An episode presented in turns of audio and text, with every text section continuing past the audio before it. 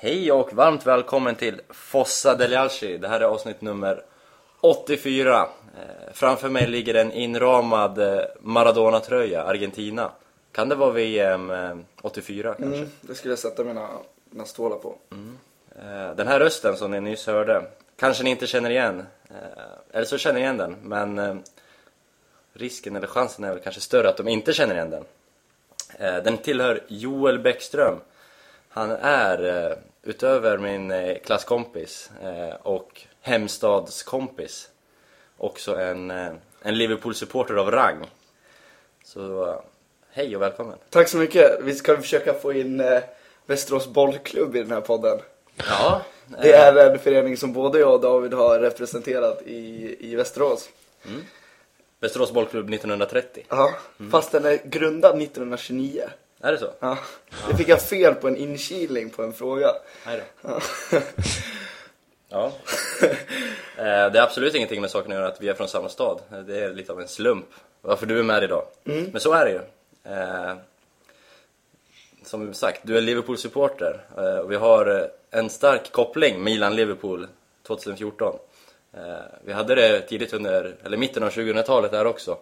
Då fanns en liten koppling känner vi, men den är, försvann ett tag och nu har den kommit tillbaka kopplingen på ett lite annat vis. Det är såklart Torres Balotelli eh, grejerna som vi tänkte prata med dig om idag. Och Andreas Persson, det är du som ska leda det här utfrågningen lite. Okej. Nej men det, det var lite din idé det här att ha med en Liverpool-supporter. Ja, det var det. Och jag ställer mig bakom det, för det är du som kommer med de bra idéerna. Det är ju jag som kommer med idéerna, men samtidigt är det du som gör mycket av jobbet, så att eh, det är ju lite så vi jobbar. Det är så. Ehm, Du är precis nyvaken, klockan är ungefär klockan nio. Ehm, Du brukar skryta i den här podcasten om hur morgonpigg du är och hur morgontrött jag är. Ja, det är, um, då står man ju på en hög eh, pedestal och eh, den faller jag ner ifrån nu. Det kan ju inte ens konstatera någonting annat. Nej, det... Min ursäkt är ju att det är min enda lediga dag den här veckan, så att men det är ju, den räcker ju inte på något sätt. Rykten sa att du satt upp och spelade Fifa igår. det finns ju substans i de ryktena. Eh, utöver Milan-Liverpool-grejen vi ska prata om så blir det såklart eh, Milan-Juventus, Milan-Empoli och uppsnack inför Milan-Cesena. Tänkte jag. Ska vi köra på det? Ja, men självklart.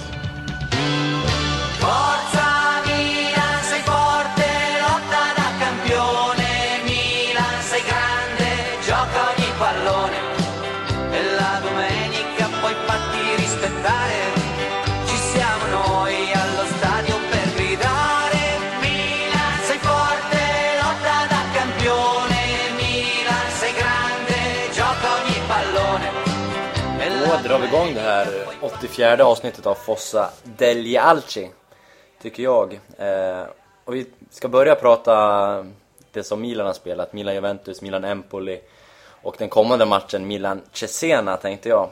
Eh, men innan vi gör det så vill jag fråga dig Joel. Eh, hur är din relation till eh, Serie A, till Italien, till italiensk fotboll? Ja, i, i ärlighetens namn så har jag följt eh, det dåligt på, på senare år. Um, så det, det är väl den bilden jag har lever väl kvar av, av de gamla tråkiga fördomar man har. Um, det- det, ja, det är med kameror långt ifrån och tempo svagt och, och allting. Eh, men också att det, det har ju, det är liga som har romantiserats på, på andra sätt. ehm, som jag gillar. Däremot tycker jag det är synd det här att det eh, men att det, det har blivit så stor ekonomisk skillnad och tack vare det att det gör så stor skillnad. Att ändå inte eh, lag och eh, klubbmärken och sånt betyder mer som man ändå kanske hade hoppats på att att de skulle kunna stå emot den då i italienska lagen. Um, så det är väl den lilla, lilla bild jag kanske har. Mm. Du, vad tycker du om man jämför något som vi brukar, du säger vi romantiserar mycket. Vi, eh, något som jag är, alltså stämning, kult, läktarkultur, eh, passion eh, på utanför plan för fans. Ja. Eh, den är ju helt annorlunda mot vad den är i England, där du håller till mest.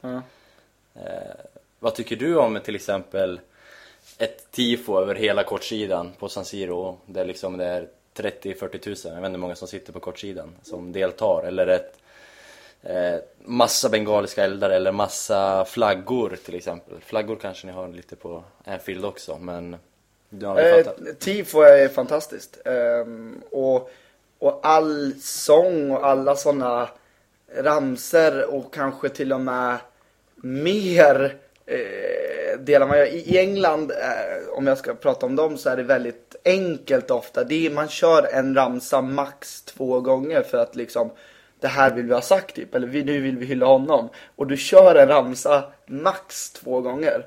Sen får du liksom lägga av. I, I alla fall i Sverige, om vi nu ska blanda in Sverige, så kan de ju mala en ramsa en, en hel halvlek.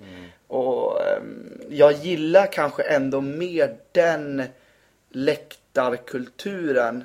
ehm, att, att man får göra lite mer. När jag har stått i en Liverpool-klack så är man ändå ganska begränsad. Man, man vet inte riktigt vad man får göra, vilket som är riktigt okej i den klacken. Eh, om ni förstår eh, vad jag är ute efter. Utan där är det mer att man ska följa den kanske normen som finns. Du får inte riktigt göra bort dig. Det är så skulle man, så är det definitivt i Italien också. Okej. Just att man följer norm. Att man följer ledarna Ah, okej. i Milan, kurva syd. Nu har inte vi, varken jag eller Andreas stått i kurvan. Eh, men vi kan väl säga att vi vet ändå, eller vad tycker du? Eh, hyfsat. Att man, man, ska, man följer klackledaren. Du inte, ska inte komma dit som utomstående och dra igång en sång direkt.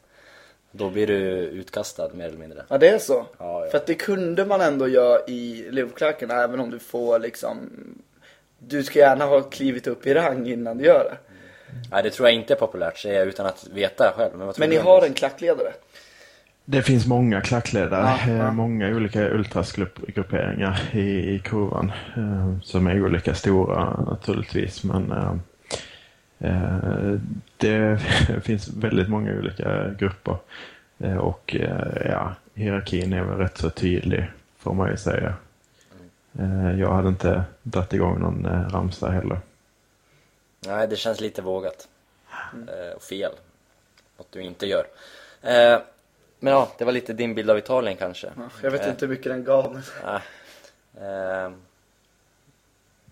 Milan-Juventus. Eh, du, eh, var den matchen du har sett i år? I Serie A berättar du. Ja. Eh, det är ändå något. En match har du sett och det är den matchen vi tänkte prata om. Så det är ju positivt i alla fall. Och det, den kollar du på även om du inte då visste att du skulle vara med i Fossa del Al- Fossa del Alci och prata om den. Ja. För, det, för du fick ju frågan för ungefär ja, klockan 12 igår natt. Mm. Så det är lite sent på det där. Eh, Så du, du, men du satte på den matchen frivilligt och kollade på Milan Juventus. Varför då? Ehm, för att det är stora klubbar, stora lag. Ehm, av anledning, man följer väl profiler, man tycker det, är- det är intressant. Eh, jag är eh, en nörd på vad som händer på planen så allt, allt som skiljer sig från en 4-2-3-1 som är otroligt vanligt nu. Alla andra uppställningar tycker jag är eh, superintressanta. Ehm, hur Juve använder sina ytterbackar tycker jag är intressant. Hur, Um, hur Milan som jag tycker bara har in i mittfältare eh, kan, eh, det är jag jätteintresserad av och jag tycker det är högst nödvändigt att man får in andra influenser än bara Premier League. Även om jag är dålig på att titta på andra ligor. Um, så är det, ja, det, är- det är matcher jag försöker se ändå. Mm. Eh, dessvärre Andreas, vi inkasserar första förlusten för säsongen. Då eh, 0-1 som alla våra lyssnare vet. Eh, och vad, vad tycker du det? Varför förlorade Milan mot Juventus? Uh, Juventus är ju fortsatt ett bättre lag som eh, uh, sp- spinner vidare på det Conte skapade förra säsongen. Så att mm, jag kan tycka att det- matchen var rätt så jämn eh, sett till förutsättningarna innan. Så, eh, men Juventus eh, eh, drog sista strået. Eh, jag har ingen... den, den matchen är förbi nu. Jag har mest tankar om Empoli. Men... ehm, Man kan väl säga att eh, deras... Att de har väl högre spetsar och högre toppar än vad Milan har. Det är Pogba och De Tevez som lite på egen hand gör det där målet. Eh, för Milan, eh, matchen igenom tycker jag försvarar bra. Till skillnad från hur vi spelar mot Lazio, hur vi spelar mot Parma. Så försvarar Milan bra. Vi släpper in ett mål, vilket är ett väldigt vackert och väldigt svårförsvarbart mål. Om vi säger så. Så är det ju. Och Milan kommer väldigt långt ner i utgångspositionerna vilket gjorde såklart att man försvarar bättre med eh, El Shaarawy och stundtals Hondap som eh, ytterbackar och eh, även med Ness långt ner i banan. I och med att de är så rörliga så rör de sig långt bak också om, om laget har en låg utgångspunkt. Så att då blir ju försvaret bättre men anfallet blir lidande. Eh, så det kan man ju ha som eh, någon slags analys. Eh,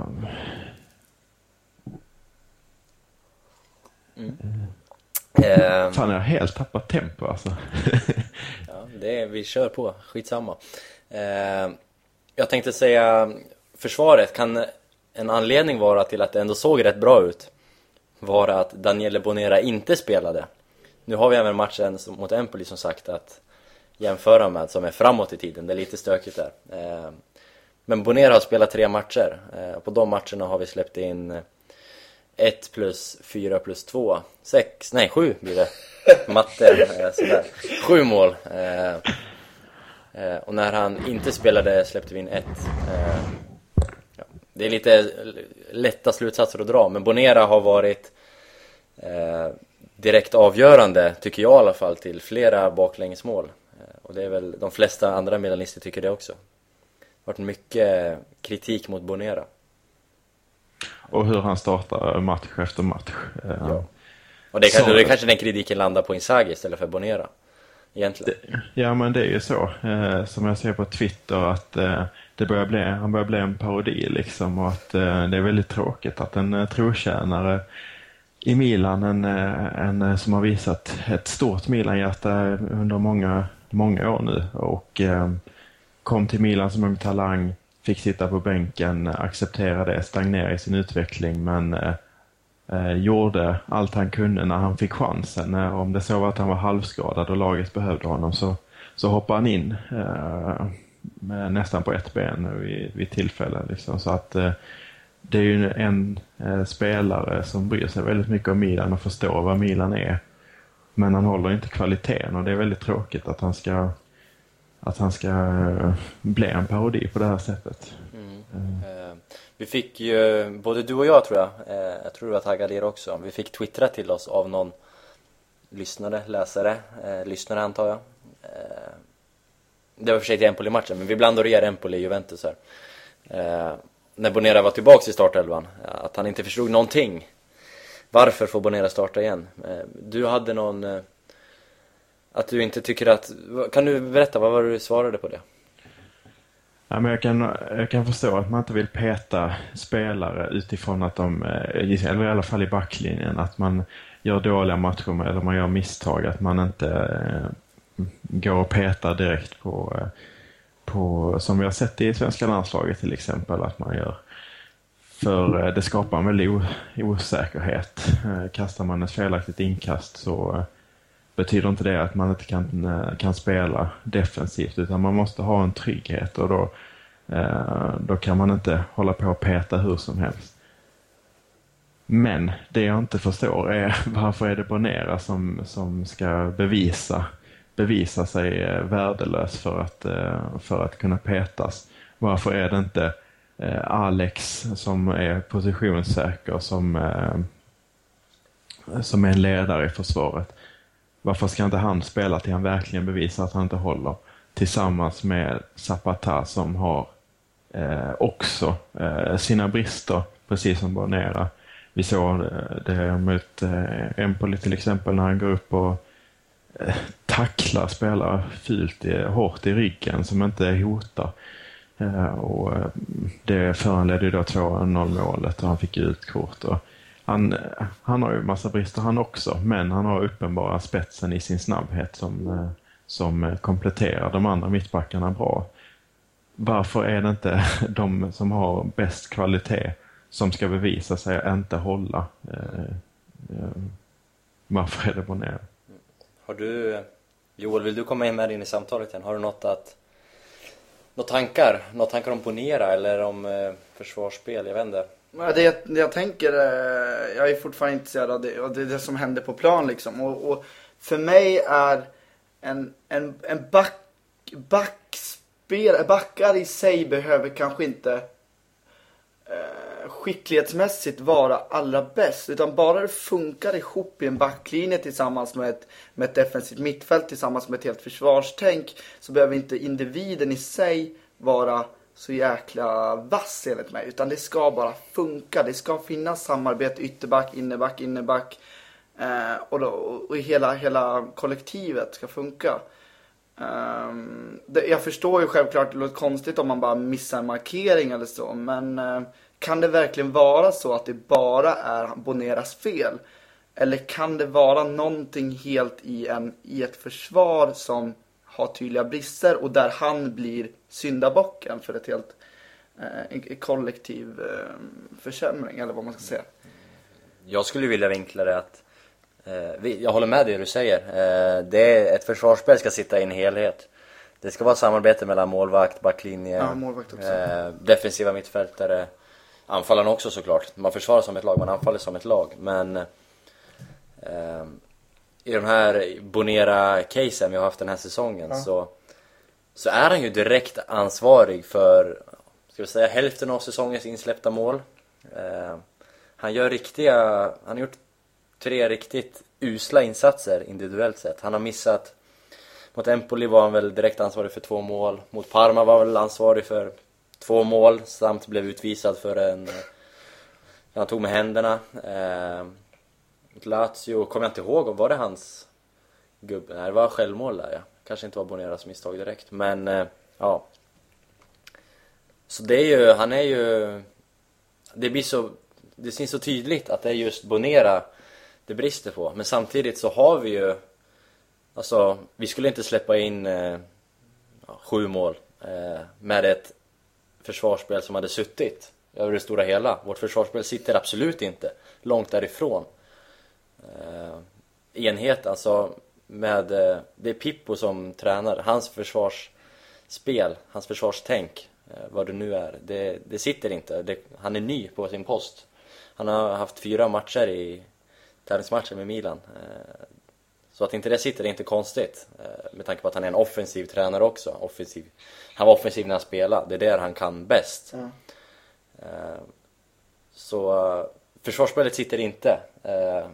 Men det Bonera gör så många individuella misstag att det blir ännu sämre. Så skulle jag vilja säga, sammanfatta det. Och som Andreas var inne på, det var ju att ingen, för ni har ju, nu vet jag inte hur skadeläget ser ut, men ni har ju många innebackar i truppen. Namnstarka innebackar. Alex är ju skadad men han är på väg tillbaka nu mot Cesena förhoppningsvis. Eh, Mexes, Rami. Zapata, Ja. Bonera Och som Andreas säger, va- va- Zaccardo. Vad kommer det sig då att, att han ändå spelar? Eh, det var ju ett, två veckor sedan va, du och Andreas, vi pratade om det. Varför Bonera var på plan och det var, kanske, det var kanske min teori framförallt att Bonera är på plan för att vara lagkapten. Jag tror avsnittet hette det, eller något i den stilen också. Eh, Att sen, eftersom Montolivo är skadad, vår ordinarie kapten, Abiati, andra kapten, är andra målis också. Eh, Så saknar vi en, en naturlig bärare av kaptensbindeln. Sen kan man ju säga att Bonera är inte en naturlig bärare av kaptensbindeln, men i Milan, eh, historiskt sett, så är det den som har varit längst i klubben, den bär kaptensbindeln. Och då är Bonera rätt självskriven, eh, för han har varit överlägset längst i klubben efter Abiati. Montolivo är ett litet undantagsfall där såklart, eh, som alla vet. Men, eh, jag vet inte riktigt om, om den teorin stämmer, eller vad känner du Andreas? Det håller ju inte mot eh, Empoli eftersom uh, Abiati spelade. Nej, precis. Där var jag Abiati med. Så då håller ju egentligen bara din teori om Tassotti. Om Tassotti, eh, den- den kvarstår. Jag vet inte om du har hört den Joel, men det är ju... Teorin till att Bonera spelar är ju för att han skjutsar andra tränare Tassotti till träningen. Sett med egna ögon. Jag ska inte tjata ut den för mycket, våra lyssnare är nog trött på den. Jag kan ju berätta det för vår kära gäst här. Men, men Tassotti som ni pratade om. Eh, eh, ni hade väl en annan intressant på honom. Han hade väl någon, någon roll i laget under många år som... Eh, Tassotti ja, eh, när vi pratar försvarsspel. Jag, jag tror du och jag pratade om det tidigare Joel. Ja. Det var väl att... Eh, eh, fasta situationer. Ja, just det. Ja. Eh, jag vet inte om du, Andreas, vi plockar in en ny fasta situationer-tränare till den här säsongen från Fiorentina. Men eh, vi släpper ändå in eh, bakåt.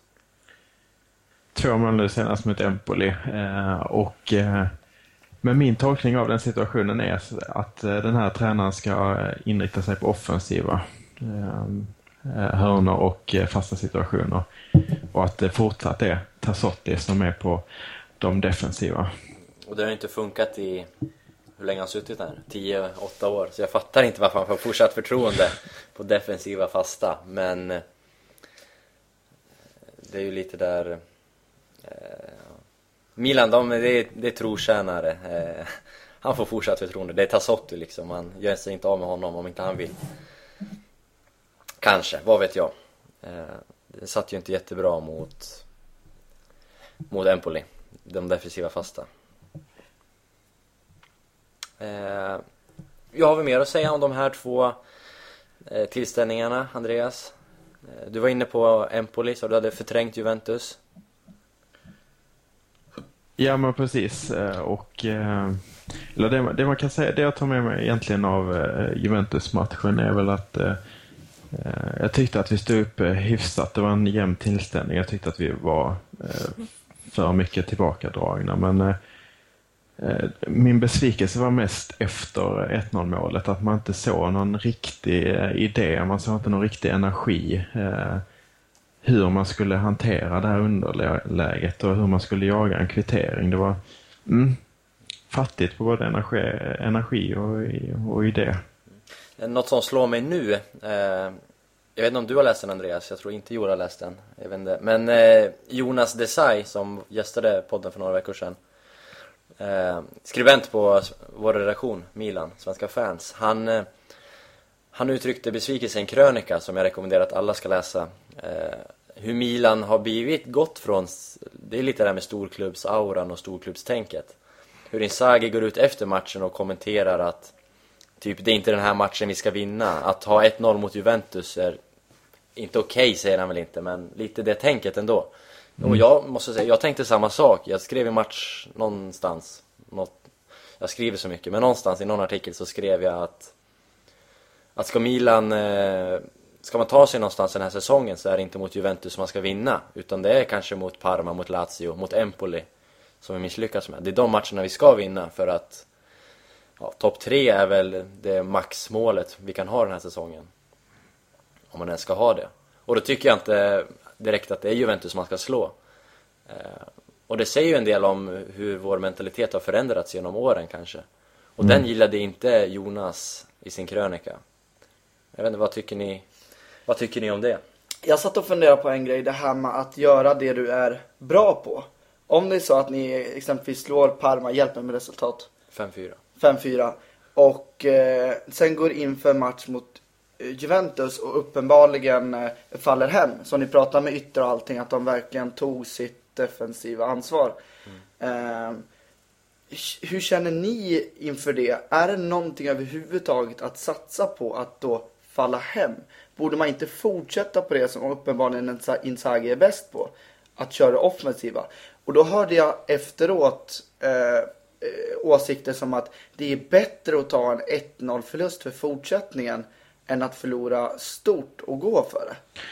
Jag tror så här att eh, dels så tror jag att Inzaghi eh, ville visa att jag kan visst sätta en, en defensiv. Annars hade det kanske spekulationerna eh, och åsikterna om laget kunnat spåra ordentligt. Och, eh, det kunde varit ännu svårare att fixa det i framtiden eh, om, om det läcker så ordentligt i, i början av, eh, av säsongen. Men ehm, också tror jag att det handlar om att eh, visst, det är Milans styrka men eh, Juventus styrka är ändå större. Alltså eh, får de, får de en öppen matchbild så tror jag att det gynnar Juventus mer i, i och med att de har mer kvalitet, de är mer samspelta. Så det, jag, gör, gör Parma fyra mål på oss, vad gör då Juventus? Ja. Det, det är väl eh, lite så jag tänker också. Eh, spelar man lite snålare så eh, ökar ju marginalerna. Liksom. Du, har ju, du har större chans på att ta, eh, ett få ett resultat om, om, eh, om det är så, större sannolikhet att Juventus gör mål på sina chanser än Milan och skapar mer chanser. Liksom. Så, så är det större chans att, eh, att Milan tar poäng om man spelar, om det blir färre målchanser. Ehm, Låt mig ändå få ställa en dubbelfråga på det resonemanget. Eh, om under matchens gång trodde ni på seger? Fråga nummer två. Om ni skulle möta Juventus nu igen inom en vecka, skulle ni spela samma eh, taktik? När det stod 0-0 första halvlek Framförallt så kändes det ändå relativt bra. Det kändes som Milan hade kontroll defensivt. Vi hade avslutade väl halvleken med Hondas, det var en riktigt bra chans, det är en bra räddning av Buffon. Eh, Så då kändes det ändå positivt, tre poäng var möjligt. Eh, Efter målet, det är, då är vinstchanserna borta, känner jag. Det är inte en chans att vi vänder, gör två mål på Juventus. Det kän, alltså, skulle vi vinna skulle det vara 1-0 kändes det som. Känns inte som att Juventus skulle släppa in två mål. Eh, Det är inte ofta de gör det i ligaspelet. Nej, och inte när Juventus hade... Det kändes lite tamt att byta in Torres eh, när man jagar en ledning också. Ja, det var, Mm. Åslund var Alltså- väl inne på det. Då hade ju Pazzini varit eh, mer lämplig eh, till eh, den typen av spel som man kan förvänta sig, kan jag tycka. Eh, men jag hade ju velat att Milan spelade på samma sätt om jag hade om, om matchen hade spelats om en vecka igen. För att jag tror att det är den bäst, var den bästa chansen för Milan. Eh, och man måste ändå se det till att det är tidigt på säsongen. Eh, både sett till hur Milan ställer upp och vad Inzaghi säger efter matchen. Så eh, är det inte bara det att han säger att det är Juventus utan det är också väldigt, väldigt tidigt på i Inzagis lagbygge. Det måste man ändå ha med i beräkningarna för Juventus har. Även om, även om man lägger in ny så är det är mycket, alltså det är ju Contes, Det är Contes eh. Juventus som han spelar. Det är många som hyllar Allegri nu, vilket, ehm, vilket man kan tycka si och så. Men har, han har förändrat Juventus och gjort dem mer taktiska. De har gjort dem mer eh, eh, välbalanserade. Det är mindre energi, men det är mer tanke. Eh, men det är väldigt lätt att göra på ett lag som har gått bra redan. Om man lägger hade tagit över Juventus nu eh, Eh, utan att Conti hade varit där, då hade han inte spelat med en trebackslinje. Då hade han inte spelat med ja, 3-5-2. Allting det där sitter ju från början. Han har gjort lite finjusteringar. Eh, men eh, vi får se. Jag tror att mer och mer av det här Contes Juventus kommer att försvinna. Kanske inte, det kanske tar en säsong innan det gör det, men då får vi se hur, hur Allegis Juventus ser ut. Vänta med att döma Juventus innan Allegris fyrbackslinje, eller Ale, vänta med att döma Allegris Juventus innan hans, eller efter hans fyrbackslinje sitter skulle jag säga. Hur det nu blev där, men ja. Eh, Budskapet går fram. Eh, och det jag vill bara avsluta den här diskussionen med kanske att eh, du säger att man kanske ska gå spela som man gör mot Parma. Eh, alltså att, att vinna med 5-4 Italien. Eh, om man ska generalisera. Det är populärare att vinna med 1-0. Den, det finns en extrem defensiv stolthet i det där landet och i Milan framförallt med tanke på vilken försvarshistoria vi har med Baresi, Maldini, Thiago Silva bara för att ta de senaste åren. Ja, fast eh, där... ehm, Ja, ja men sen har vi jag, förstås... jag s- håller inte riktigt med där. Dels är det intressant för, för man har ju den bilden av att eh, ja, men det ska vara stängt och eh, eh, man har en stolthet i det. Men samtidigt så går, ser man till Cagliari och säljer mer biljetter än vad de någonsin har gjort. alltså- Det finns inte intresse för, det, för den fotbollen han spelar eh, som det inte har funnits Men eh, inte, innan han inte, kom. är inte ser man lite av en, en cirkus? Alltså lite, lite den grejen.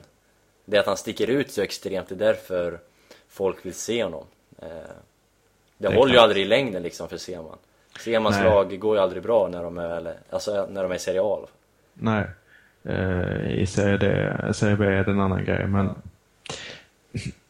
jag, jag tror ändå att man ska... Eh, det finns ändå ett intresse för att se mål, eh, tror jag också i Italien. Jag tror den bilden inte riktigt stämmer. Och framförallt i Milan så har vi en ägare som förespråkar eh, offensiv fotboll och var väldigt, väldigt missnöjd med prestationen eh, mot Juventus. Eh, hur laget ställde upp, att man inte tog mer initiativ eh, som lag på, på sin hemmaplan. Det gillade verkligen inte Berlusconi.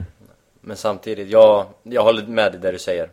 Men jag tycker ändå att den defensiva stoltheten finns i klubben trots att det är Berlusconi som äger. Och fansen i Sverige, i Italien.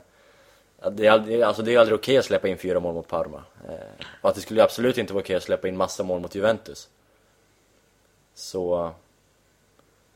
Eh, om vi säger om vi vänder på det. Eh, om Milan skulle spela så där offensivt och säga att vi skulle förlora med 5-4. Så tror jag nästan det är mer okej att förlora med 1-0 än med 5-4, eller? Eller vad tror, Mm, vad tror jo, du? det tror jag nog också faktiskt. Eh, Så, eh, så om man vänder på det så tror jag, ja. Jag tror, det, jag tror det är fler som skulle resonera så. Eh, att om resultatet blev 5-4 till Juventus. det, är, det är så sjuka siffror. Så kan inte låta bli att skratta när man säger det. Alltså 5-4, vad är det för resultat? Det är helt sjukt. Men eh, om, om det skulle bli 5-4 i den matchen också eh, så tror jag fler skulle tänka att eh, ah, vi borde spelat mer defensivt för att ha större chans att, eh, att ta poäng snarare än det är nu som tänker att vi borde gått mer defensivt eller mer offensivt eh, eftersom det är det vi har gjort bra. Så tror jag. Eh, ska vi släppa Juventus helt och lite Empoli till? Vi har varit inne där och snuddat, men man kan alltid prata mer Empoli. Eh, ett Empoli som du och jag såg i Serie B förra året. Mm. Och en Tavano som vi såg. Eh, och eh, mitt i den här eh, all den här beklagan över vårt försvarsspel så vill jag ändå hylla Tavanos assist till 2 målet. Den tycker jag är riktigt vacker. Är inte det Bonera... Boneras gubbe? Eller är inte han, Tavano är inte hans gubbe, men han som gör målet är ju Boneras gubbe. Ja, det är ett helt gäng. Det, de står och sover där eh, ehm, naturligtvis också. Men det, det är ändå en eh, fin eh, eh, passning som ska nå fram. Så att jag vill ändå eh, lyfta fram Tavano. Jag tror att hade, hade någon större spelare gjort, eller mer eh, känd i alla fall, än Tavano. Vet inte om det finns större spelare, men eh, hade Messi gjort den så hade hyllningskören varit större. Mm, mm. finns ju en större spelare i Empoli och det är ju Macarona. Big Mac alltså. Han är ju större än Tavano skulle jag säga. Ja, det är Ah, vad hände med eh, brassen i Empoli? Brasse italienaren? Den feta? Vad hette han? Usch. ehm, Vi pratade om honom när vi var där och såg honom. Jag har glömt, men han var ju extremt tjock. ehm, ja, fan. Ja, det kanske man skulle kollat upp, men han i alla fall, han är inte kvar i klubben, det var synd. Det är synd. Det är en profil utan dess like. Eh, Han som eh, sa till eh, Prandelli att eh, alltså, eh, jag är redo för Brasilien inför VM då. Ja, det var ju bra. Han hade ju gjort en eh, handfull baljor i, i eh, Serie B. Men han Yes. kände sig redo för VM. men eh, han var inte med mot Empoli, det behövdes inte. Empoli gjorde en riktigt bra första halvlek framförallt. Eh, bättre än den vi såg. Sen kom ju Milan tillbaks i andra halvlek. Torres gör ett vackert mål. Eh, och Honda gör också ett vackert mål. Honda fortsätter göra mål. Tre mål nu på fyra matcher. Det är... eh, Han börjar betala tillbaks nu de noll kronorna vi har spenderat på honom. Absolut. Och eh, allt, det, allt det förtroende som eh, jag tycker att jag har kastat på honom eh, sen han eh, kom och även innan. Eh, Du har en tendens att plocka in en, poängen när du väl tar dem. Visar att han är den poängspelare som han, han har varit i hela sin karriär. Både i Cheska och i Japan. Eh, och Fernando Torres, han ska vi prata om sen, men vilken debut han gör.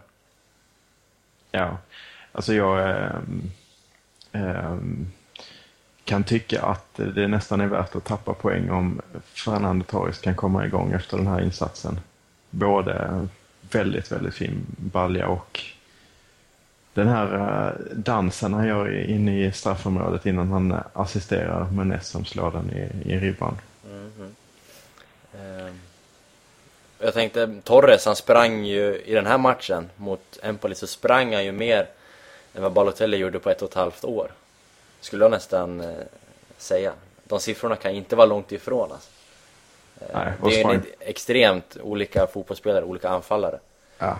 Och springer för laget, inte bara för sig själv som Inzaghi fick kritik att göra på sin tid. Han skapar ju mycket upp, öppningar på laget. Eh, Men Torres, vi pratar om han, hans insats och hans karriär lite senare. Mm. Eh, har vi något mer? Eh, 2-2 mot Empoli, det är väl inte godkänt någonstans? Nej, och ehm, vi kan väl, eh, ska vi såga spelare så kan vi ju faktiskt såga vår, eh, en Forza Jalci-favorit, Montari.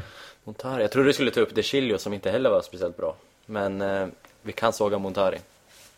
Som också varit i England och snurrat i Joels England i Portsmouth va? Vill jag minnas. Eh, och eh, alltså, det, ja, då måste jag ta det här med De Chilio, alltså för jag är, visste att han har stagnerat i sin utveckling, men eh, jag hör liksom att han eh, kallas bidone och väldigt eh, starka klagord till eh, riktas eh, mot De Chilio. Jag tycker inte att de är riktigt rättvisa. Nej, det kommer ju inte från mig. Men Nej. eh, han gör ju ingen höjda match mot Empoli. Det gör han ju inte. Och han, eh, han har ju som sagt stagnerat. Han var ju eh, fantastisk och bedömts eh, och jinxades egentligen av oss också eh, som eh, någon som skulle bli väldigt, väldigt stor. Han kanske inte blir där och nu har, vi, nu har vi många som vill sälja honom för att det har ju varit höga summor som har nämnts i, i samband med honom när eh, Real bland annat har varit intresserade och sånt där. Men Montari. Mm. Eh, jag har väl eh, försvarat och gått i täten. Eh, och de få som försvarar honom eh, i Sverige. Det är inte så många som försvarar honom någonstans just nu. Eh, med Milan-tröja på. Eh, och han gör ju en, eh, en dålig match mot Juventus och han gör ju en ännu sämre match mot Empoli.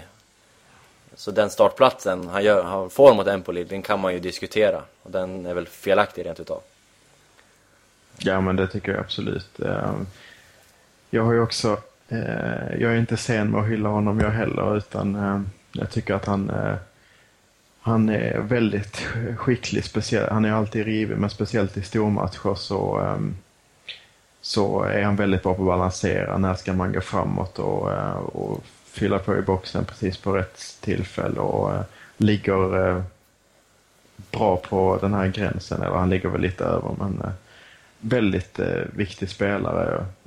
Framförallt i stormatcher tycker jag.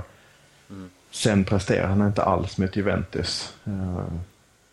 Hade vi spelat mot Juventus om en vecka med den vetskapen om Montari så hade, hade jag inte velat ha honom. Men inför den här matchen mot Juventus så tycker jag att han är så Ja, självskriven. ja, ja. Alltså, de som kliver in nu i, eller de som gjorde det efter Juventus-matchen och säger att han inte skulle starta liksom. Kom igen, säger jag. Vad fan. Vem skulle startat mot Juventus på det där inne i mittfältet? När vi spelar 4-3-3. Eh, de Jong, Poli, Montari är ju jättegivna, enligt mig. Mm. Det finns van Ginkel som inte har spelat en sekund sen eh, han lämnade Holland, känns det som. Eh, det finns en Bonaventura som är för offensiv för tre man mittfält. Mm. Eh, Essien, var han ens hel? Jag vet inte. Nej. Det, alltså det finns ju inget. Det kan- visst, man kan vara efterklok och säga att han var dålig, han ska inte vara med. Men faktum är, han var bra mot Lazio, han var bra mot Parma. Eh, Så varför skulle inte Montari starta mot Juventus? Det är helt, det är bisarrt att säga att inför matchen att det är fel, Ja. tycker jag. Men nu ska han inte spela mot Empoli så Nej. borde han inte spela enligt mig. Nej. Eh, och det är faktiskt intressant. Eh, Bonaventura spelar ju på den positionen. Nu ger, är det väl kanske inte riktigt rättvist för det var en väldigt böljande matchbild eh, som det var när Milan eh, rätt så frenetiskt jagade eh, reducering och kvitteringsmål. Men ehm, mm, första intrycket är ju inte jättestabilt. Men det har ju sin, sin förklaring i matchbilden.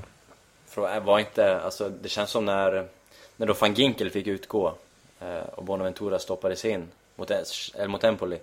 Mm. Så eh, jag tyckte nästan vi bytte till ett 4-2-3-1 där. Håller du inte med om det? Att vi hade Bonaventura, Honda på kanterna, Menes i mitten, Torres längst fram. Så tyckte jag det såg ut att vara faktiskt. Och det är också den 4-2-3-1 som ryktas starta mot Cesena. Ja, alltså det är ju... Det är ju en lek med siffror det, såklart. Ja, det, det har ju så små... Eh, speciellt när det böljar så mycket så har det väldigt liten eh, betydelse i praktiken. Mm. Och när man har så rörligt anfallsspel. Men det, det kan absolut vara så. Jag, ehm, jag eh, tänkte inte på det, hans positionering så mycket förrän, eh, förrän i slutet av matchen. Eh, Ja, det, tycker jag, det, det tycker jag man kan uttyda i alla fall. Och det, Inzaghi är inne på det också efter Empoli. Att 4-2-3-1 är någonting man ska fasa över till. Och det väntas ju som sagt redan mot Cesena bli 4-2-3-1. mm. Så, ja. Eh, Ska vi plocka upp den nöten redan nu? Ja. Eh, har något att tillägga Joel? Du såg inte Milan, eller Empoli-Milan. Nej, det enda jag fastnade för det var väl Montaris, eh, du vill ha Montaris tröja pratar du om. Jag vill mer prata om Montaris shorts. Jag tycker det Montaris tröja har jag redan. Jag tycker det är nästan Cedorf-klass på dem alltså. Montaris shorts är ju eh, stora eh, och sitter ofta långt ner. Mm. Cedorf, jag vet inte hur, Cedorf, eh, Nej, de satt nog rätt högt. De var bara Ja. väldigt stora över en, en stor eh, han har röv. en stor röv. Ja. Det var, det var, det var antagligen så här Dressman XXL på de shortsen. Ja, eh, förmodligen. Eh, stor röv över stora shorts. Montari har inte lika stor röv men han skulle kanske behöva det så shortsen sitter uppe. Och, och jag tror jag minns från Portsmouth-tiden att de var inte så förtjusta i att de hängde. Så han hade någon slags eh, under, eh, eller någon sån här tränings... Eh, Värmebyxa? ja, som var blå. Som var precis över. Så att det verkligen såg ut som att det var shorts hela vägen. Ja, ja. Fast han jobbar ju sitt, eh, han jobbar ju sitt stuk på shortsen. Så att, eh, man, man ska ju vara bekväm. En glad spelare är väl en bra spelare. Och, och han behöver uppenbarligen ha shortsen så för att han ska må riktigt bra på plan. Ja, man ska ju låta Montari göra sin grej. Mm, lite så. Tycker ju jag. Haters are welcome. Absolut. Nästa steg är väl nästan att kapa ärmarna. Så det blir ännu mer basket-feeling. Eh, körde lite Kamerun. Eh, Kamerun körde väl i linne för några herrans massa år Ja, sedan. fast de fick De ju fick ju inte, de blev förbjudna hade efter ett tag. De hade väl linne ett tag? en- Ja, fast de hade ju en svart ärm som fortsatte efter linnet. Ah, okej. Som bara för att typ demonstrativt visa att det var ett linne så bara fortsatte en liten svart ärm. All right. ja. eh, det shorts-diskussionen får slut. På, på söndag. Tre match igen. De är, eh, de är trevliga, tre matcherna. Och Cesena, de har väl konstgräs? Eller är jag ute och cyklar? Ja, det stämmer. Eh, så det är lite Elfsborg-varning på Cesena. Mm. Eller kanske Gävle, Gefle, Gävle, kalla dem vad du vill. Eh, Men är det sån poängsnitt också? Alltså går det att se den? eh, Ja, i, ja, det vet jag inte. Men jag, jag har inga siffror på det i... Kanske någon lyssnare som är riktigt vass på det och kan plocka fram hur, hur Cesena har spelat på konstgräs kontra naturgräs. Bara faktumet att spela på en konstgräsplan i Serie A. Ja. Ja, det är spännande. Alltså det är så mycket diskussioner, så mycket agg mot det i Sverige. Att, en, att man gör det i Gävle eller i Elfsborg. Visst har Gävle konstgräs? Ja. eh, och att, alltså det, det behövs ju inte i Italien. Visserligen har det varit, alltså gräsmattorna i Italien håller ju långt ifrån Premier League-klass. Pentago, det skulle ju behöva det. Det kan Pent- vi ja, eh, men liksom de har ju alla förutsättningar i Italien för att inte behöva spela på konstgräs. Det är ju bättre, alltså i England lyck- lyckas de. Eh, ha extremt fina mattor på nästan alla arenor. Nästan året runt, säsongen runt. Medan man i Italien har bättre, varmare klimat. Och borde kunna ha bättre mattor än England, men det lyckas man inte med någonstans. Eh, Så att spela på konstgräs är ju helt befängt, men eh, ja. Eh, Milan gjorde det för två år sedan när Cesena var uppe senast. Då vann man vill jag minnas. Jag vill minnas att Urbi Emanuelsson gjorde mål och firade tillsammans med Robinho. Man visste inte vem som var vem, vem som hade Nej, gjort det målet. minns jag också. Ja. Det var mot Cesena va? Jaha, det kan det varit. Och när vi är inne på det, nu ringer det massa klockor här. Eh, var inte det Montaris första match? Var det inte då Montari petade in, eh, gjorde mål typ i sin första match? Petade in en frisparksretur från Zlatan? Eller Thiago Silva? Ja, det är värt att kolla upp också. Jag Ja. har för mig att det var Cesena. Kan mycket väl vara så. Stora är Montari ändå. Mm, verkligen. Jag sitter med ett bildkollage framför mig på bara Montari-bilder. Ett där han står stryptag på Beckham när han var i, Inter. Ja, den... eh, Den här har jag förträngt. Men eh, Cesena eh, har spelat, eh, spelar väldigt kompakt eh, tycker jag. Ändå, ehm, jag hade förväntat mig att Juventus skulle köra över dem nu i senaste omgången men det, Är inte 3-0 en hyfsad överkörning ändå? ja till slut blev det det men jag tycker ändå det satt eh, lite innan ändå. Även om då, de tog ledningen. Det stod 1-0 i halvtid va men eh, Ja, jag såg inte den matchen, kolla annan, annan, annan match. Jag kör ju min klassiska eh, direkta gal där man ser highlights från alla matcher. Eh, men Cesena, de har ju ändå inlett, även om de kanske spelar bra mot nu Juventus, Juventus det vet jag inte, men de vann ju mot Parma första matchen i derbyt där. Ja, Det är starkt. eh, väldigt eh, osannolikt måste man säga. Jag trodde, tror inte mycket om det här Empoli. Jag trodde i alla fall inte innan Cesena. säsongen. Eh, Cesena, förlåt. Eh, det är på pappret sämsta laget tycker jag i Serie A. De som har gjort det absolut sämst på hela eh, i fönstret och sånt där. Så inga stora förväntningar hade jag innan, men de har startat helt okej.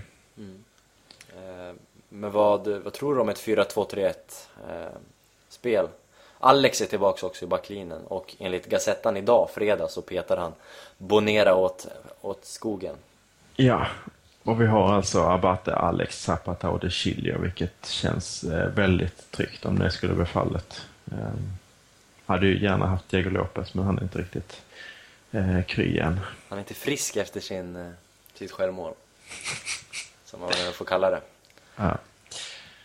Eh, men eh, vi har ju pratat lite om det kort innan att eh, 4-2-3-1 det är, kan funka. Jag har mycket höga förväntningar på det systemet. Vi pratade om det förra säsongen också. Vi har egentligen hela tiden haft ett eh, material som har passat sig bättre för 4-2-3-1. Men skillnaden den här säsongen är att det, det är mycket mer energi och mycket mer löpvilja.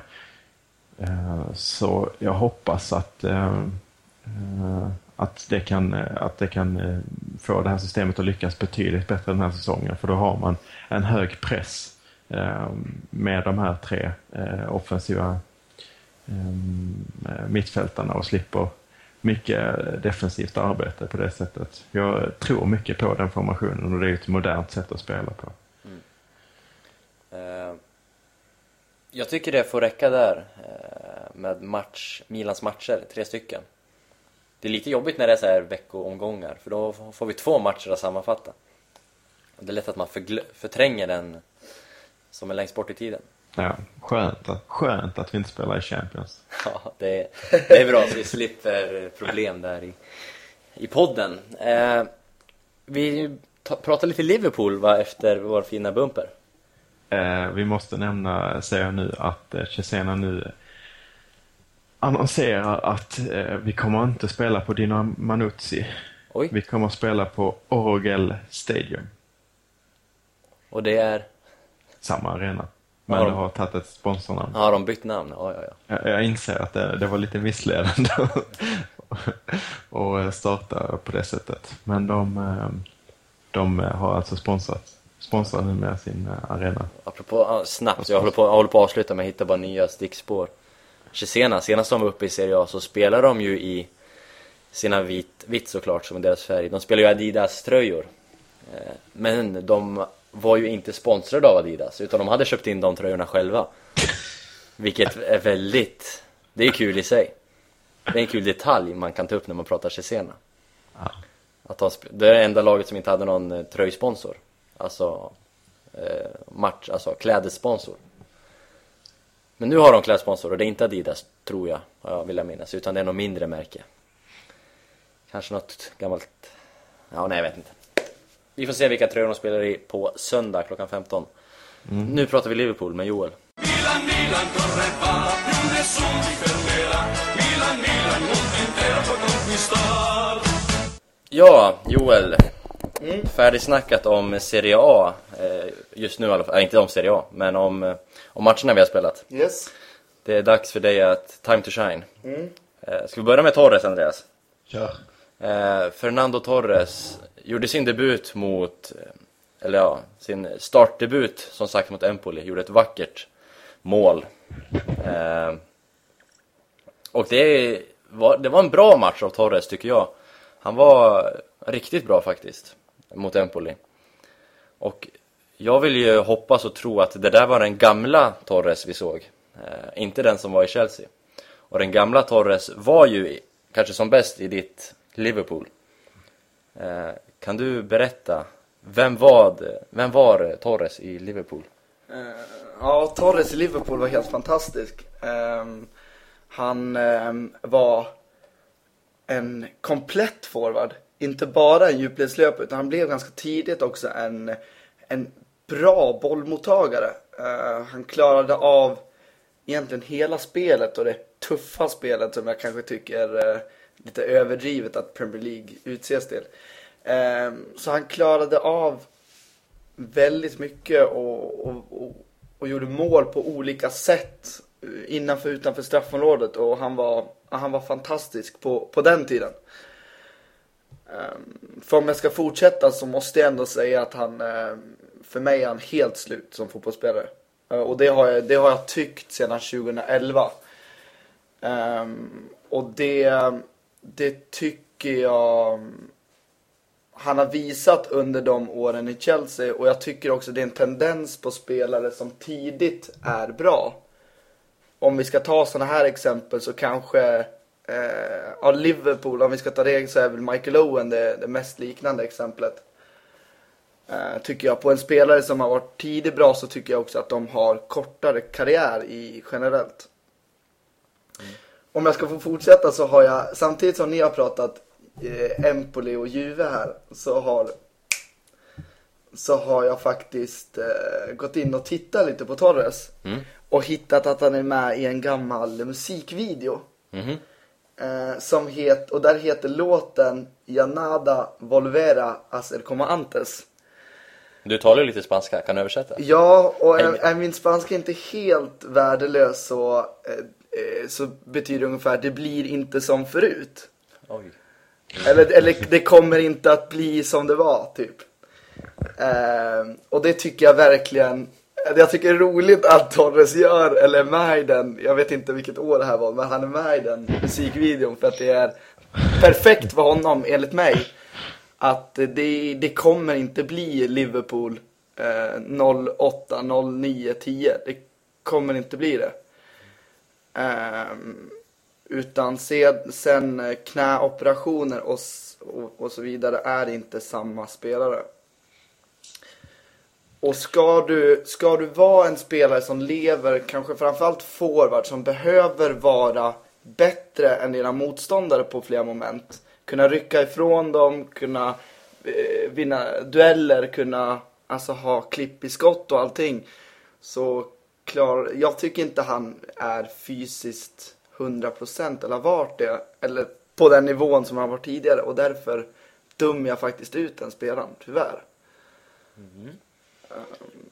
Ja, ni får gärna reflektera på det. Först och främst måste jag säga att musikvideokopplingen och låtkopplingen, det är ju någonting som ungefär du brukar syssla med Andreas. Jag tycker ni är lite på samma våglängd där. Ja. Ni brukar hitta sådana kopplingar. Ska jag, ska jag gå in på det så när vi såg så, eh, startelvan när vi mötte Empoli, eller den förmodade startelvan i, i Gazettan eh, på morgonen så eh, hade jag just en låtkoppling. Eh, jag twittrade ut There is something in the air this night, the stars are bright, Fernando. Ehm, ABBA naturligtvis. Ehm, vilket gjorde att min, lite av min uppladdning till var att lyssna på ABBA. Det var rätt skönt faktiskt. Man kom eh, i stämning.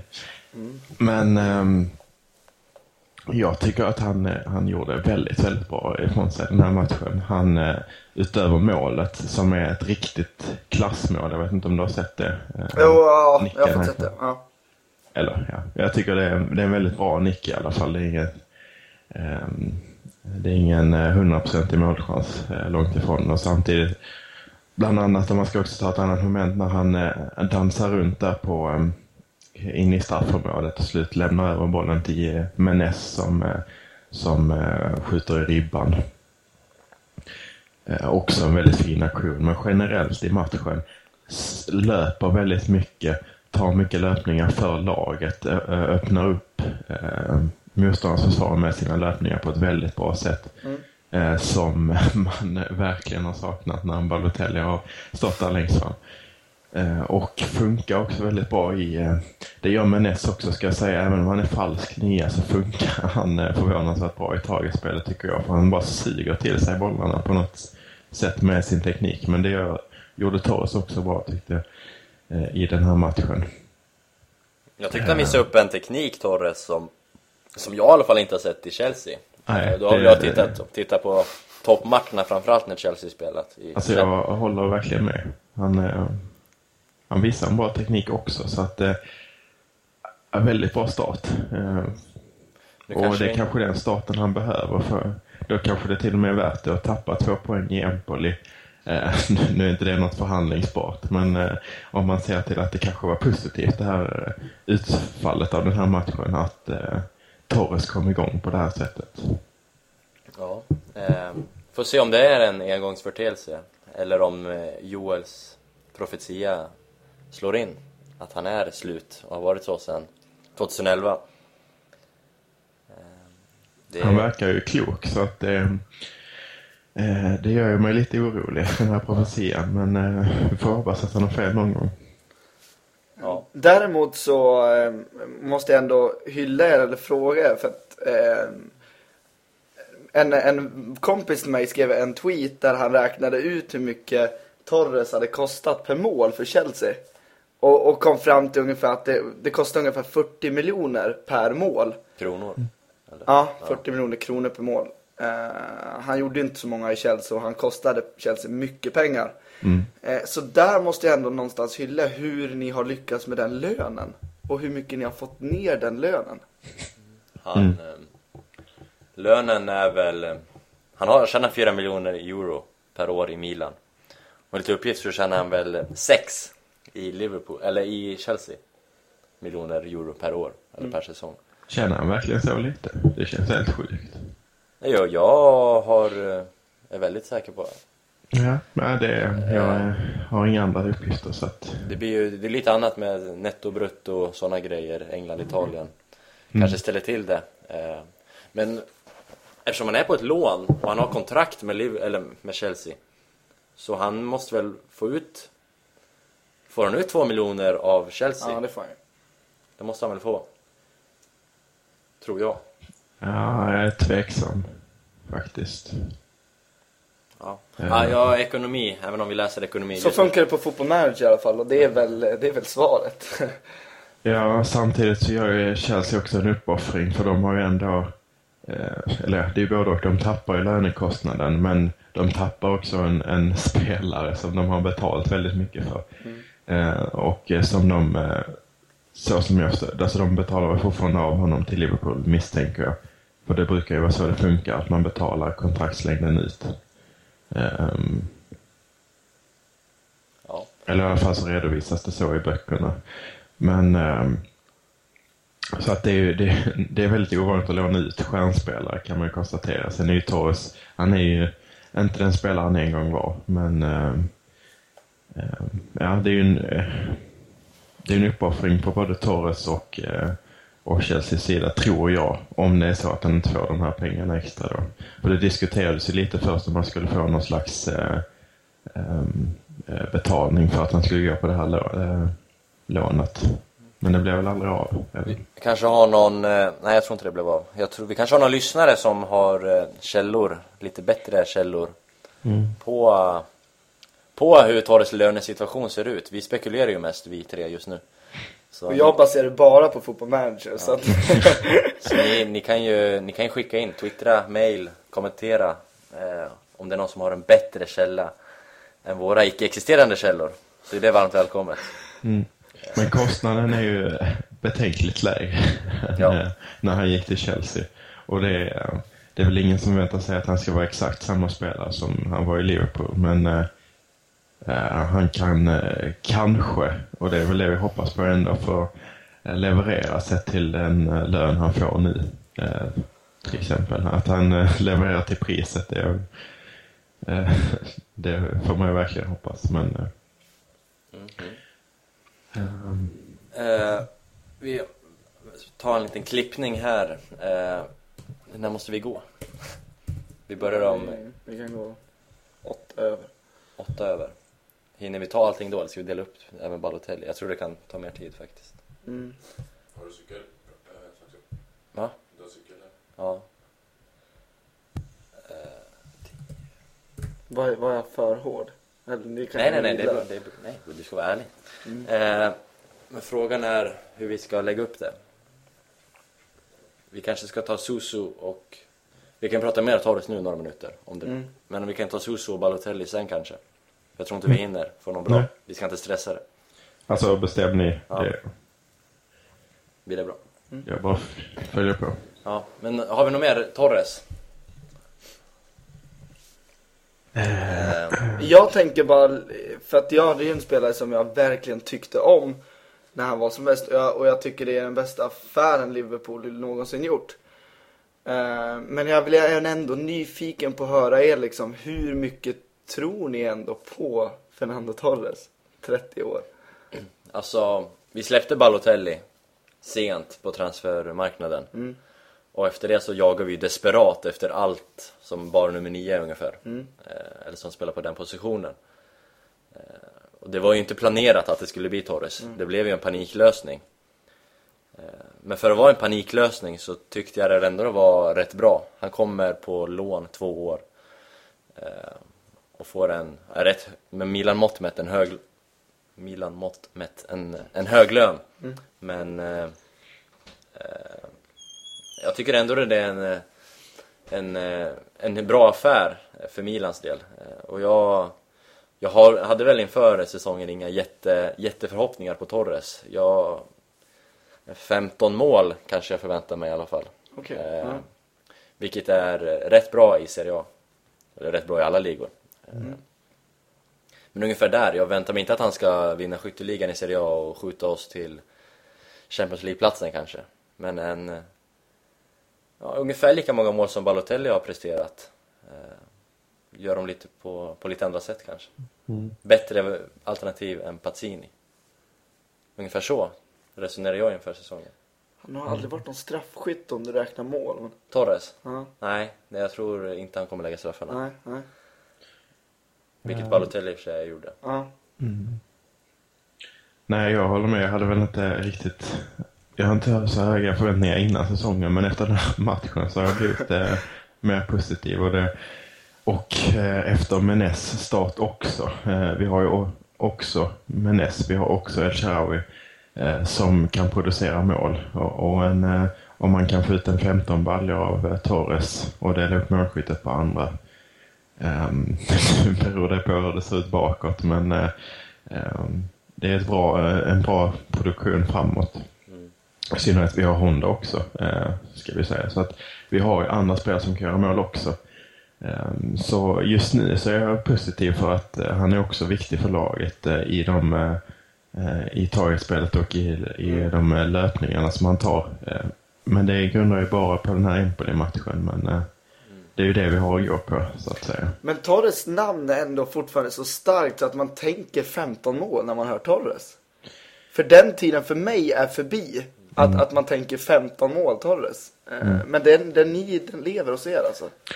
Alltså du har ju, du har ju helt rätt i det här med, med brintiden på en fotbollsspelare. Ja, jättebra alltså, ord. tre- tre- 30, eh, 30 år är inte så mycket när man bara säger 30 år, men han har ju hållit på länge. Mm. Det måste man verkligen ta hänsyn till. Han har spelat på ett sätt som eh, gjort att han har för mycket stryk, kan Mm. jag tänka mig. Eh, så att det måste man verkligen ta hänsyn till. Men eh, det finns, alltså i CA generellt så finns det ju äldre spelare som lyckas länge. Eh, och eh, mm, ja, jag, eh, jag är försiktigt positiv. Vi såg ändå hur stor skillnad det har gjort eh, att byta miljö för Menes. Eh, som har varit helt magisk och som var usel i PSG. Det, eh, det ger ju ändå en hopp att det kan, kan förändras även för Torres. Och ska man, ska man generalisera lite och gå på lite bilden utifrån på våra två ligor. Premier League, det går snabbt, det är tufft. Det kanske är lite felaktigt som du säger. Men det går, det går snabbare i Premier League. Eh, Italien, eh, mer taktiskt, eh, långsammare. Eh, mittbackarna i Italien kan vara väldigt fula och hårda de också, men det känns spontant som att Torres passar bättre i en liga som, eh, som Italien. Så I alla fall så här på ålderns höst, om man nu får säga att 30 är det. Det sa ju, han sa ju faktiskt det att Italien, det är väldigt fysiskt spel här. Så just den biten eh, som ni har sagt, det är kanske inte den som är mest sann. Däremot så går det ju snabbare eh, av lite annorlunda, lite olika anledningar. Jag tycker att den, den skillnaden är lite överdriven. För att folk kollar på det på TV så ser man från olika kameravinklar. Eh, I CA så är liksom eh, kamerorna betydligt högre upp för att få en taktisk överblick. För det är det publiken vill ha liksom. I England så är det mycket närmare liksom och då är det klart att det ser ut att gå snabbare. Men det går också snabbare. Eh, i, I Italien så var, eh, är man lite mer rädd om bollen generellt. Eh, och då, eh, då går det långsammare om man, man vill göra någonting med det. Men, jag, jag, man, du ser att, att vi tror på namnet Torres. Eh, namnet Torres, om man kollar på hans CV, hans meritlista. Han har vunnit Champions League, han har vunnit EM, han har vunnit EM, VM, eh, Premier League. Han har väl vunnit skytteligan i Premier League med Liverpool, vann han inte den? Skitsamma. Jag kan han, inte siffror. Han var där uppe i toppen i alla fall, måste han ju varit, när han spelade i Liverpool. Eh, han vann skytteligan i EM också va? Vill jag minnas, han delade den när de vann sist, Spanien. Han har vunnit extremt mycket. Eh, och så när, eh, och han avgjorde, slog väl ut, gjorde det avgörande målet mot Barca i Chelsea-tröjan vill jag minnas, i någon semi där va? I Champions. Eh, alltså han, även om han har varit dålig i spelet mot, eller i Chelsea, så har han ändå ett väldigt imponerande CV, en väldigt imponerande meritlista. Och just det här med miljöombytet, ny start, en sista chans i en stor klubb kanske för Torres. Det är väl lite det jag har hoppats på. Eh, och sen jag vet inte, jag kanske är för, för naiv men det är lite så jag har resonerat i alla fall. Eh, lever lite på, på hoppet. Lever på, på vad hjärtat säger kanske mer än vad hjärnan säger.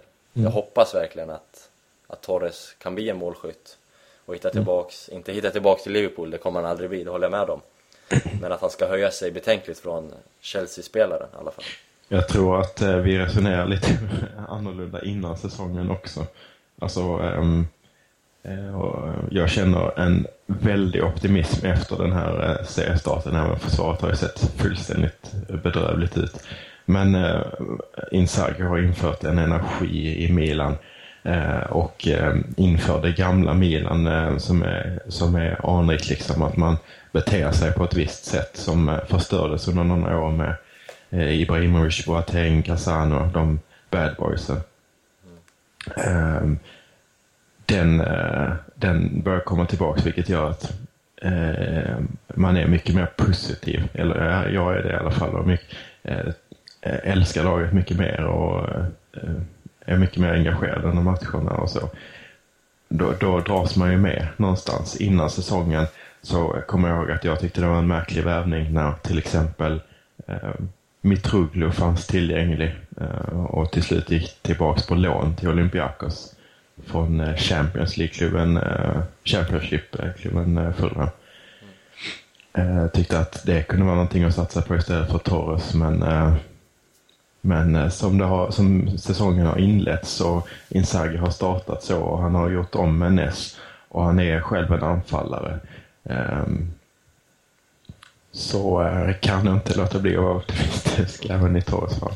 Eh, och med det här avsnittet, med det här snacket så har ju vi eh, jinxat Torres. Han kommer ju bli Chelsea Torres efter det här snacket. Vi har ju en historia i Fossa del Alce att snacka upp spelare och ja, jinxa dem helt enkelt. Så tack för målet Torres. Eh, det var en bra match. Nu, det känns lite som det. Eh, eller om man får dra det krasst. Eh, jag och Joel, vi måste springa iväg på lektion nu. Eh, vi återupptar den här inspelningen om eh, två och en halv timme ungefär. Klipper ihop den, ni som lyssnar ni kommer inte märka någonting. Eh, då pratar vi lite om Balotelli och lite om Susu. Spanjora som är på väg till Milan. Eh, på återhörande. Milan, Milan, corre va, più nessuno ti fermerà. Milan, Milan, mondo intero puoi conquistar. Då fortsätter vi. Eh, Fernando Torres avklarad. Nästa man till rakning. Ja, rakning är rätt aktuellt om man kollar på han följer Balotelli på Instagram eller har sett hans nya frisyr. Mario Balotelli vill jag prata om. Eh, och det, jag tänkte så, vi kan ge och ta lite. Nu har vi fått mycket information, men lite negativ information om, eller tankar, kanske inte information, men Joels tankar om, om Torres. Så då kanske vi ska utbyta lite tankar om Balotelli. Eh, Men jag tycker att du och jag Andreas, vi har pratat i ett och ett halvt år om Balotelli i Milan, vad han har gjort. Så jag tycker Joel kan börja med att, vad tycker du om, eh, om Balotellis inledande matcher så här? Ehm, ja, jag är ingen, eh, absolut ingen Balotelli-fantast. Eh, jag har faktiskt svårt för den fotbollsspelaren. Jag tycker han har få, få delar av sitt spel han verkligen bidrar. Och eh, jag har alltid sagt att, eh, att han har gjort en bra match i karriären. Eh, mot eh, Tyskland i EM 12 eller vad det är. Och men eh, jag tog mig faktiskt friheten igår natt och titta igenom den matchen lite halvt. Och det visade sig att han var inte så himla bra i den matchen heller tycker jag. så eh, jag, har, eh, jag har väldigt svårt för honom. Och i, i Liverpools start så har jag ändå imponerats av hans eh, targetspel.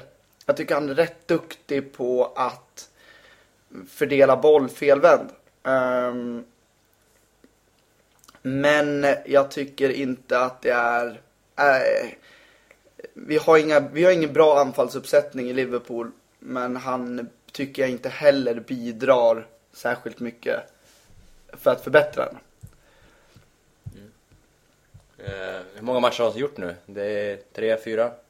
Ja, han, han, gjorde sin debut mot Tottenham. eh, Och då skapade han tidigt lägen. Och, och David, du och jag vi har pratat lite grann om produktivitet och effektivitet. Och eh, han, i den matchen var han ändå produktiv. Han skapade chanser. Men jag tycker inte det där med att, att vara produktiv är så jäkla intressant. För jag tycker han, han, han skapar fel chanser. Han, han är inte en effektiv fotbollsspelare, tyvärr. Uh, sen har han gjort match mot, eller han har gjort, mm, fortfarande jättedålig på siffror, men säg att han har gjort fyra matcher nu. Han gjorde mål senast i Champions League mot Ludogorets. Ett rätt så bra mål och han gjorde två straffmål i den maratonstrafförläggningen mot Middlesbrough. Um, så han har i alla fall fått känna på, på nätet tre gånger. Om man får räkna straff. Ja, ja, det får man nog inte göra men. Ehm, men nej, jag är inte imponerad av ehm, Balotelli. Däremot vad jag tycker är bra för Liverpool, det är ändå hur man fick igenom den affären. Man behövde en forward. Eh, man behövde den typen av forward. Och man fick det till ett bra pris ändå. För den efterfrågan, det utbud och efterfrågan. Eh, Så affären i sig med det namnet och allting så tycker jag att det, det är ändå en försvarbar affär. Men jag har svårt för honom som fotbollsspelare.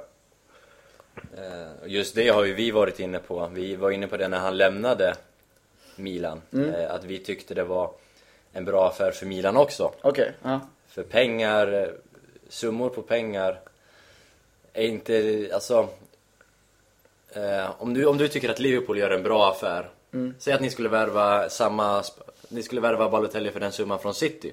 Då kanske City skulle tycka att det var en att de har sålt för, för billigt. Men kollar man från Milans perspektiv så har vi ändå sålt för relativt dyra pengar. Eh, Vilket är rätt intressant i sig Att ligorna har kommit så långt ifrån varandra. Ja att eh, båda är nöjda med affären. Båda parter brukar inte vara nöjda, kanske ekonomiskt, alltid. I sådana här stora affärer framförallt. Eh, det, var, det var det vi kom fram till, eh, en av slutsatserna vi drog, Andreas, när han lämnade i alla fall.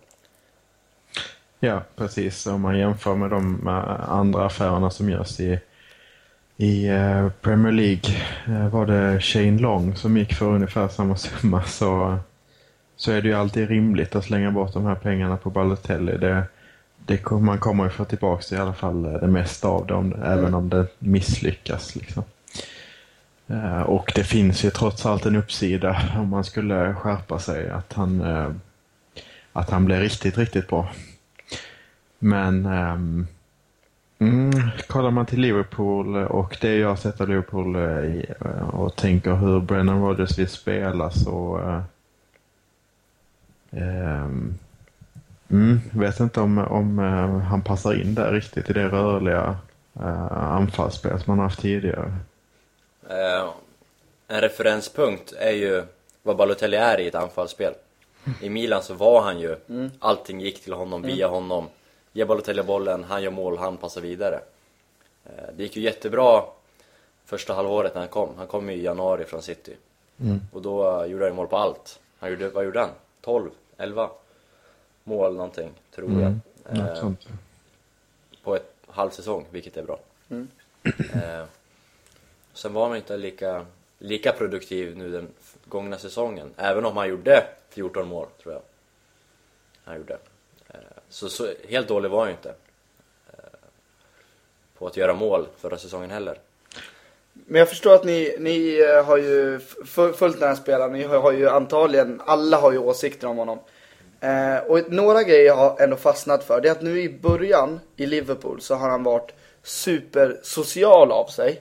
Gått ut med såna här, han, han har nog lagt ut några fantastiska bilder där han exempelvis har klippt in sitt ansikte i varje Beatles-medlem och skrivit The Balotellis.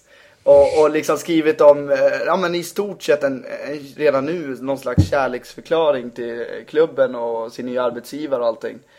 Ehm, så det är fråga nummer ett, om det är någonting ni tror som han bara gör och det är massa agenter bakom eh, som tycker att han ska göra det. Och nummer två, att han har varit väldigt lugn på plan. Alltså antagligen fått direktiv att du ska inte reagera på om någon är dryg mot dig eller om domslut eller någonting. Och då undrar jag, ni som kan Balotelli bättre än vad jag kan, är det någonting som kommer fortsätta de här grejerna eller kommer han gå tillbaka till den Balotelli vi kanske mer känner? Eh, ska vi börja med de, om jag får börja med de sociala medierna. Mm, gärna. Eh, så Balotelli tror jag inte har någon agent bakom som säger vad han ska göra och vad han inte ska göra. Har väldigt svårt att tänka det i alla fall. Eh, Balotelli gör som han vill göra. Eh, om man hittar en bild, jag tror inte han har gjort Beatles-bilden själv, Ah, okej. eller, men om han, han har fått den till sig den tyckte han var kul. Han hade lite dålig humor, lite lätt humor. Eh, billig humor. Så den tyckte han var kul säkert. eh, men du kan ju vänta dig, i Milan till exempel så när vi hade som mest trubbel förra säsongen när vi förlorar en match och spelarna får kritik för att de är uppe sent på nätterna. Då twittrar Balotelli klockan fyra typ. Vad var det han skrev? It's over. This is the end. This is the end.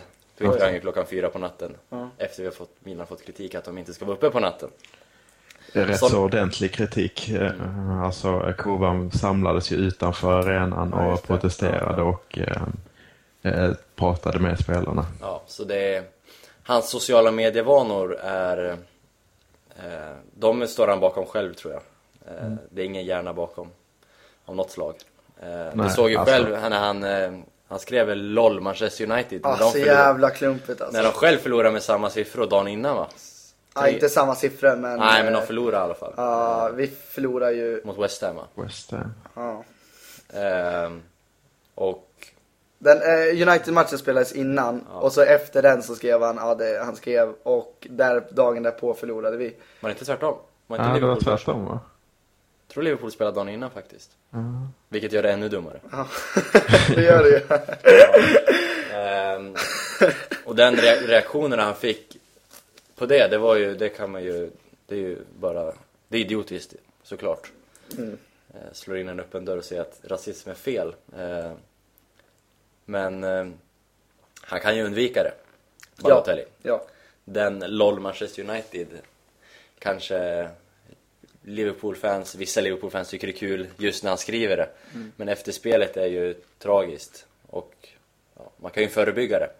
Så sådana grejer väntar dig sånt. Eh, och ska vi lämna sociala medier och gå till din fråga hur Balotelli är på planen. Så eh, om man håller sig lugn, han har blivit bättre genom åren ändå. Men eh, förr eller senare tror jag någonting kommer hända ändå. Eh, på något vis.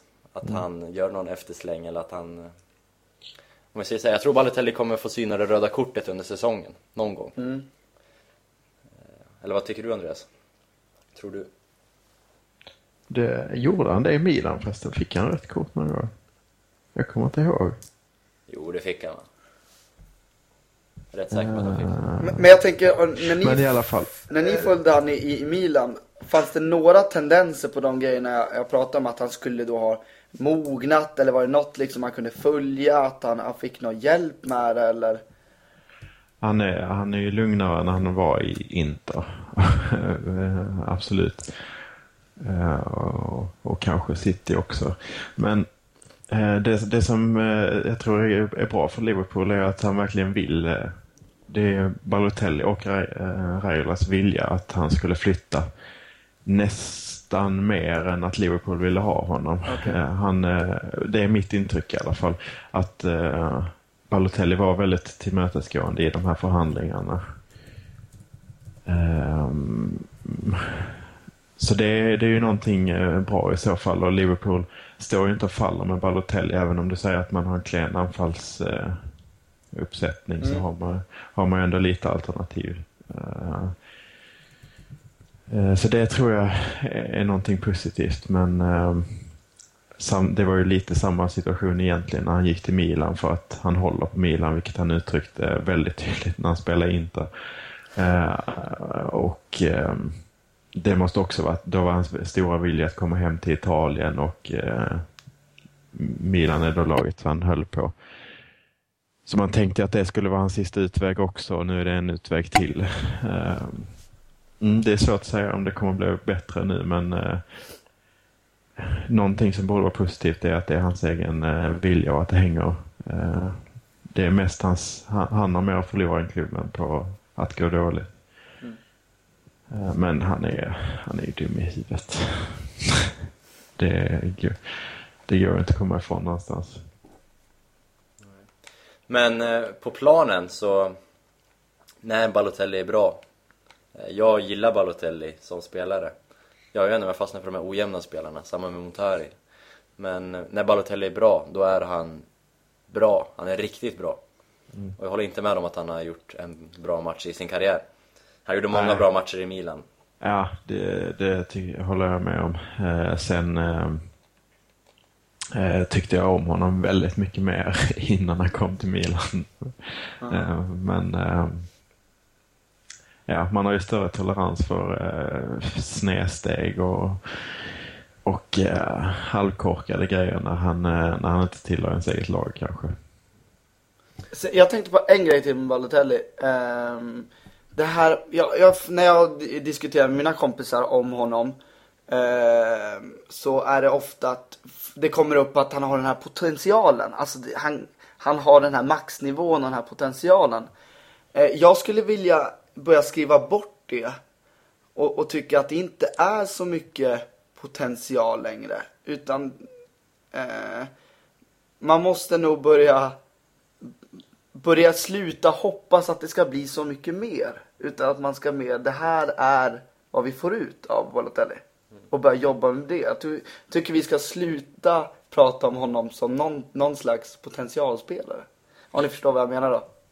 Jag, jag tycker den här frågan om poten, potential eh, och talanger och sånt där är rätt så intressant. Inte bara i fotbollen utan eh, rent allmänt att eh, det är en talang att, att vara eh, jag tycker också att det är en talang att, att eh, ha en, en vilja att, eh, att kämpa, att jobba hårt för någonting och eh, vara väldigt målmedveten, fokuserad.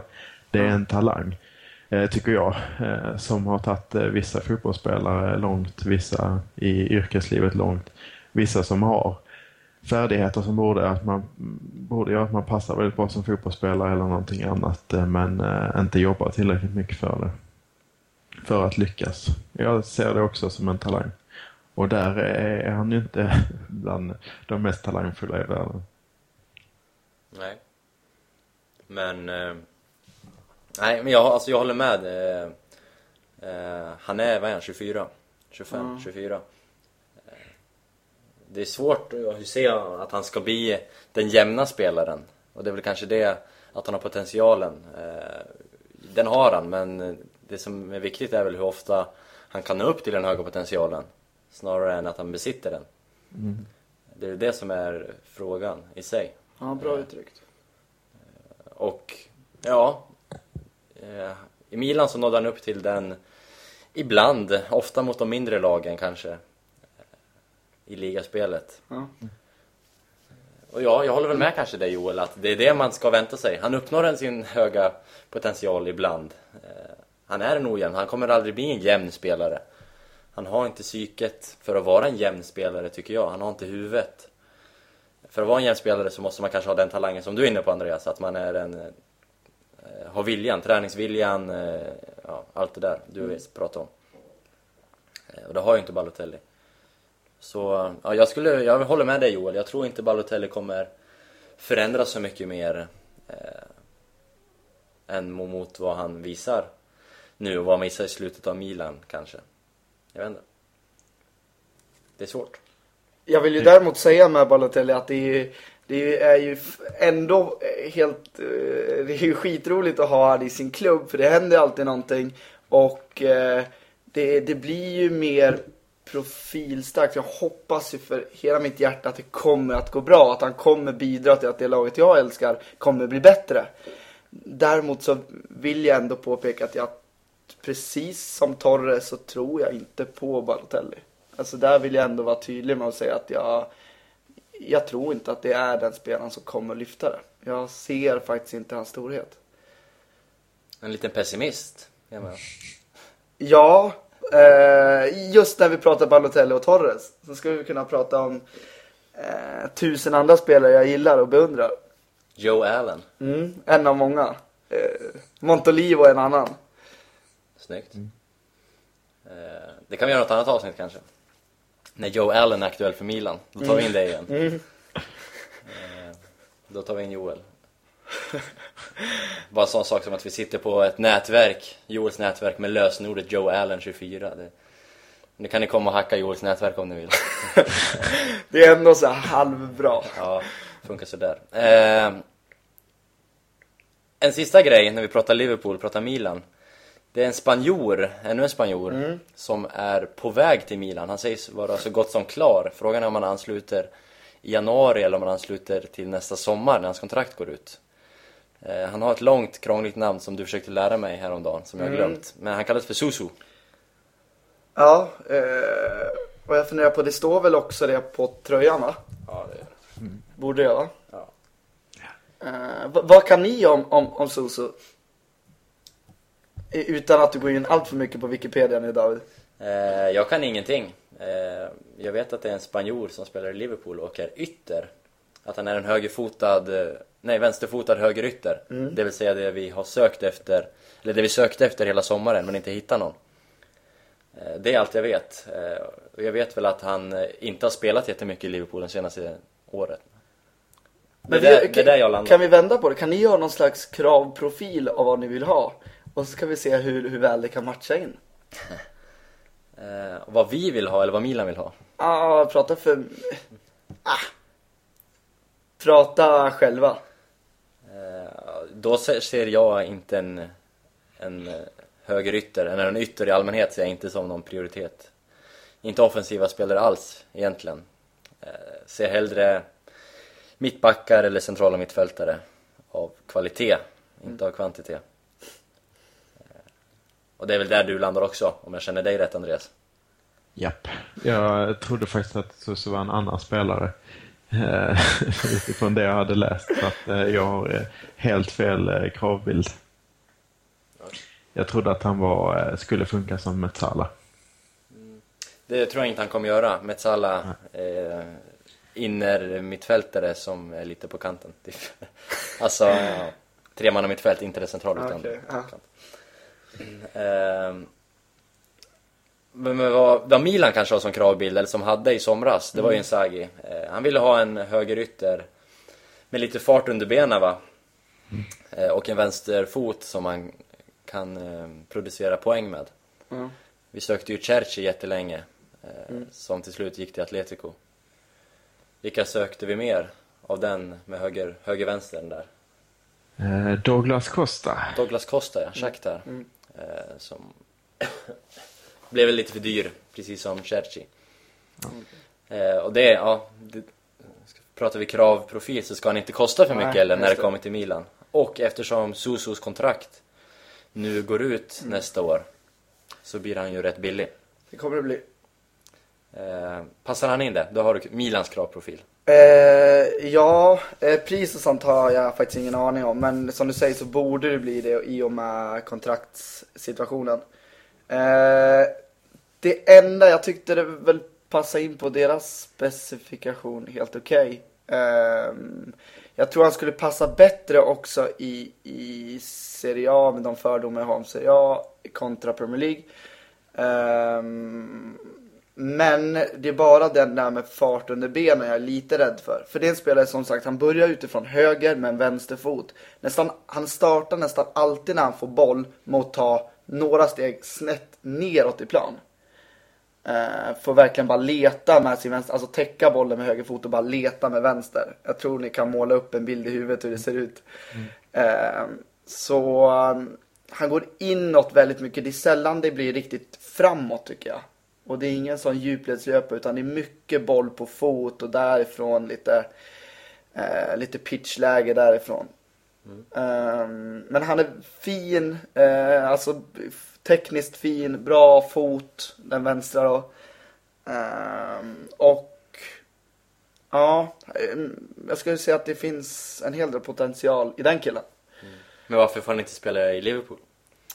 Ehm, för att det ehm, skulle jag säga att som det såg ut i fjol så var anfallsspelet för snabbt och för rörligt för att man skulle få ut någonting av honom. Eh, och nu är jag dålig med han borde ju ha varit utlånad dessutom. Eh, det kan jag inte i huvudet. Ehm, och i år fick han då spela nu senast mot Middlesbrough kom han in och gjorde i och för sig ett mål med högen då. Ehm, och, och det syntes ganska tidigt att det är en kille med, liksom, med kvalitet, med tekniken, med foten. Ehm, men som, ja, ehm, jag tycker i Liverpool så saknar han kanske den farten, den, ehm, det, det gamla Premier League-stuket så. Vem har ni där ordinarie, högerkanten? Är det Sterling där? Sterling, ja. Ah, han har spelat med tia i år. Um, spelar vi en med en sån ytter så har det väl nu blivit ehm, Du kan fundera. Jag kan ju flika in Ja. att Susu var utlånad förra året. Jag kollade upp det nu till Almeria. mm, det var, jag hade gissat på Almeria men jag vågar inte. Ja, skitsamma. Du kan ta den om du kommer på den. Nej, vi har varierat så mycket på yttrarna. Men det är väl Markovic eller Lalana som har lirat där om jag inte helt är bort med nu. Ehm,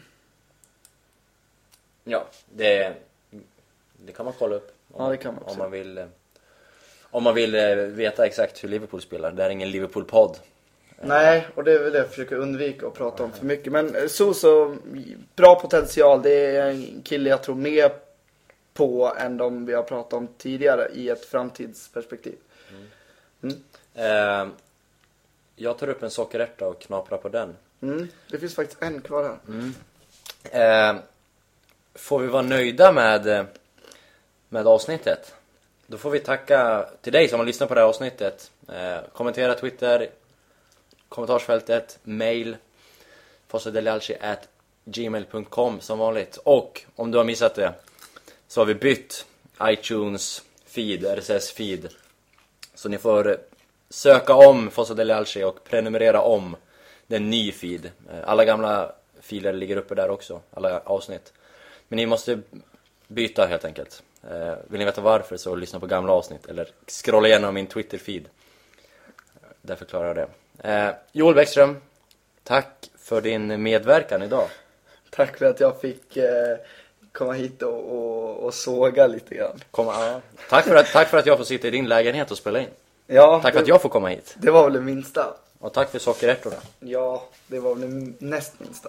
Eh, Andreas, du och jag, vi, vi hörs nästa vecka va? Ja, absolut. Eh, bra. Då, tack så mycket. Tack snälla. Hej då. Tack, tack. Ciao. Adjöken. Ciao.